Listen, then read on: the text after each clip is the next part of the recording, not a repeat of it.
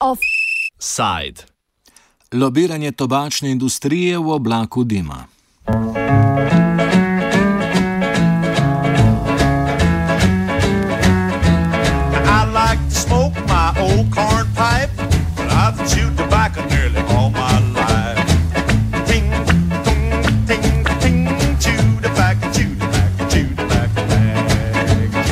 Poslanci Evropskega parlamenta so Evropsko komisijo pozvali naj ne podaljša dogovora s tobačno multinacionalko Philip Morris glede sodelovanja pri omejevanju nelegalnega trga s tobačnimi izdelki. Evropska komisija je do zdaj kljub odporu zainteresirane javnosti delovala v smeri obnovitve dogovora. Resolucija Evropskega parlamenta sicer ni zavezujoča, a zaradi prepričljive podpore, ki jo je prejela, predstavlja močan pritisk na Evropsko komisijo.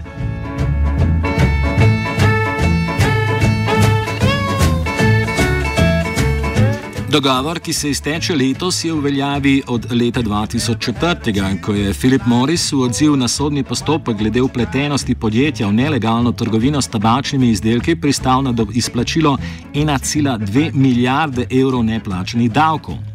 Poleg tega se je zavezal k plačilu dejatev na zasežene tobačne izdelke njihovih blagovnih znamk. Bistvo dogovora opiše Deborah Arnold iz organizacije Action on Smoking and Health. In 2004, Philip Morris International um, made an agreement with the EU that it would pay the European Commission a billion dollars in a landmark deal on tobacco smuggling.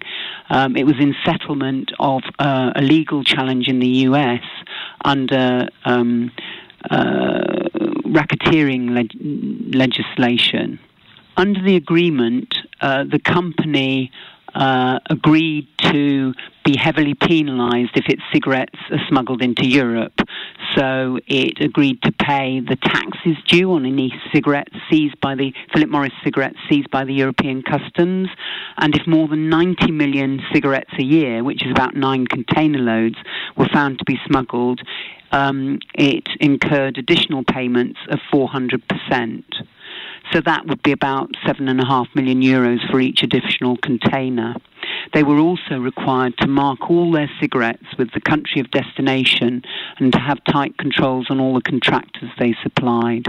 So the route by which smuggle, cigarettes are smuggled can be tracked and traced. Zgledujoč se po dogovoru s podjetjem Philip Morris je Evropska komisija v naslednjih letih podobna dogovora sklenila še s podjetjema British American Tobacco in Japan Tobacco International.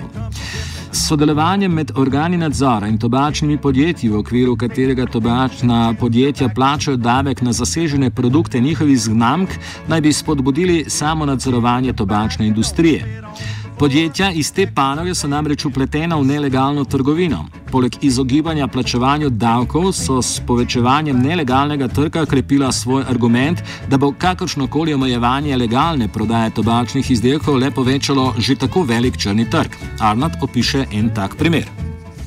Historically, it was obvious that the tobacco companies were not controlling their supply chain, so their products were being um, diverted into the illicit market because the profit they make um, is the same whether the, the tax is paid or not, because they just sell the cigarettes at a price.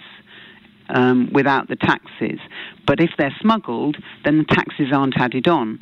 So, for example, in the UK in the 1990s, it got to a point where um, Imperial Tobacco, one of the big companies in Britain, was exporting more com- cigarettes to Andorra, which is a tiny little place.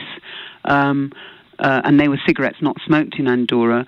Um, well, enough cigarettes for every man, woman, and child to smoke 70 cigarettes a day. Well, that doesn't make any sense. Those cigarettes were just coming back to the UK, they were being smuggled back into the UK. Sodelovanje Evropske komisije in organov nadzora z nadzorovalnimi podjetji pa je problematično in tako strani civilne družbe kot europoslancev je bilo mogoče slišati očitke o konfliktu interesov. Velika tobačna podjetja so domnevno še vedno upletena v nezakonito trgovino, čeprav v veliko manjši meri kot pred desetletjem in pol. Opiše Luke Josens iz Združenja Evropskih zvest na področju rakavih obolenj. Very difficult to have real data on what's happening in the smuggling market in the European Union. We see that British American tobacco has been fined for oversupplying the Belgian market with uh, roll your own tobacco. There has been also an investigation against Japan Tobacco International. We also noticed that despite the, the agreements, the, there is still a lot of Marlboros sold in illegal Marlboro sold in, the European market. So, with the lack of data which we have, we see still that there is still some investigation or still some problems with the international brands. But compared to the other brands, the so-called illicit whites, the, it's clear that for the time being, at this moment, the biggest problem of illicit trade is this type of illicit wines.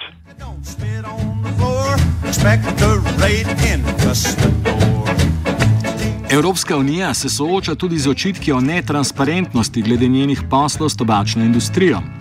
Evropska varuhinja človekovih pravic Emily O'Reilly je pred dobrim mesecem Evropsko komisijo okarala, da na tem področju ni dovolj transparentna in da ne sledi smernicam Združenih narodov. Opiše Honor Mahoney, predstavnica za stike z javnostjo Evropske varuhinje človekovih pravic. So the European Ombudsman Emily, Emily O'Reilly, she found in a case that was brought by um, a transparency um, transparency NGO that the European Commission was not being transparent enough with its meetings um, about its meetings with the tobacco lobby.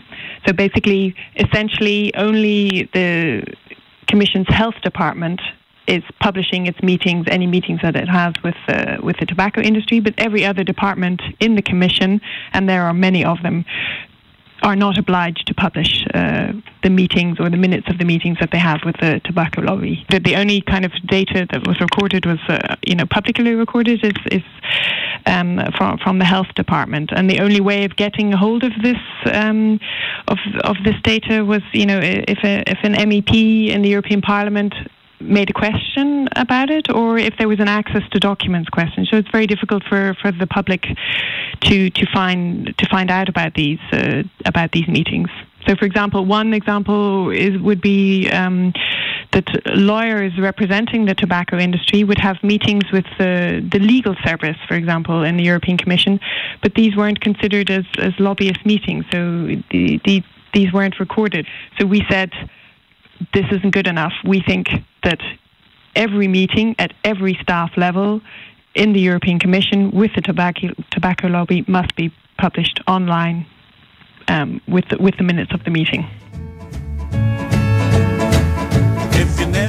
Philip Morris je v letu 2013 za lobiranje v institucijah Evropske unije z nekaj več kot 5 milijonov evrov porabil največ izmed vseh zasebnih podjetij. Večina denarja je bilo usmerjenega v lobiranje proti prenovljeni zakonodaji glede označevanja tobačnih izdelkov. Z lobiranjem za nadaljevanje dogovora o sodelovanju pri omejevanju črnega trga pa želi izboljšati svoj ugled, pojasni Josens.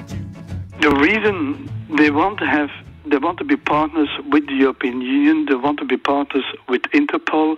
Philip Morris has also given um, 15 million euros to Interpol because then they are seen as respectable companies.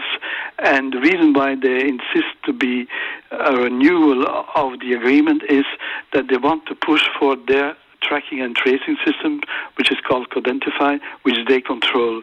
So they believe that if they renew the agreement, it gives them a better position to uh, push for their tracking and tracing system which, from a public health point of view, would be a disaster because you cannot accept a system which is controlled by the tobacco companies.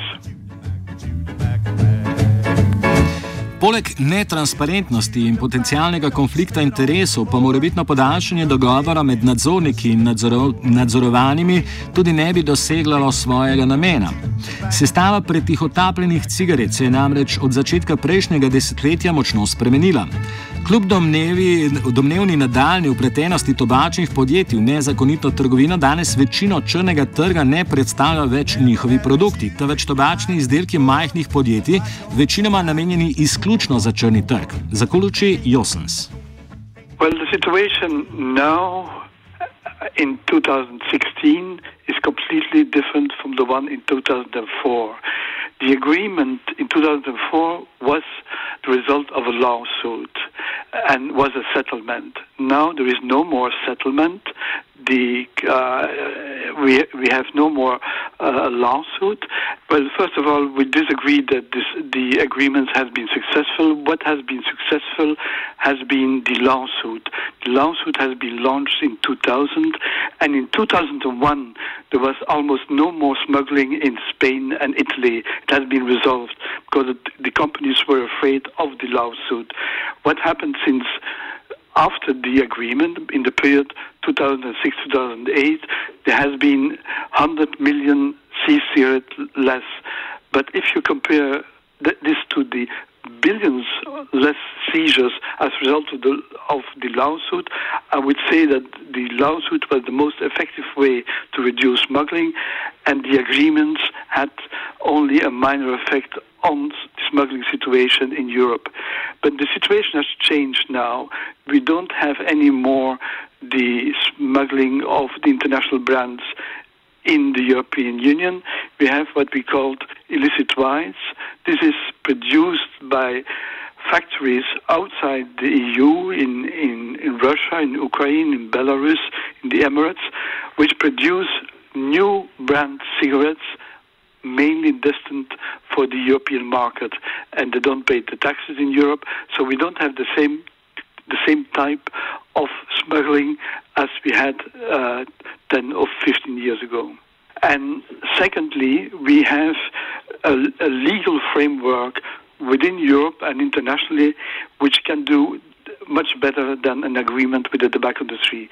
We have the Tobacco Products Directive, which obliges the countries to have a tracking and tracing system from 2019, and we have an international treaty from the World Health Organization, um, which countries can ratify.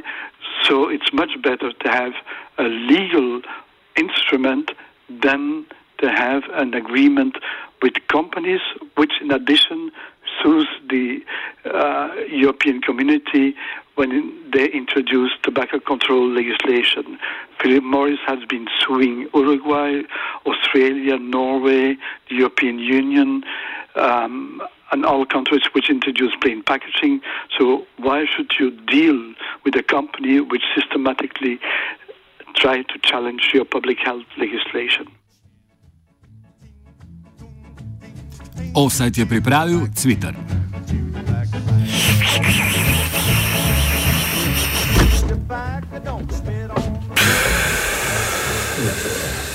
Fino, vamos to. Da, stari. Kva pa je to pida? Indoor reš.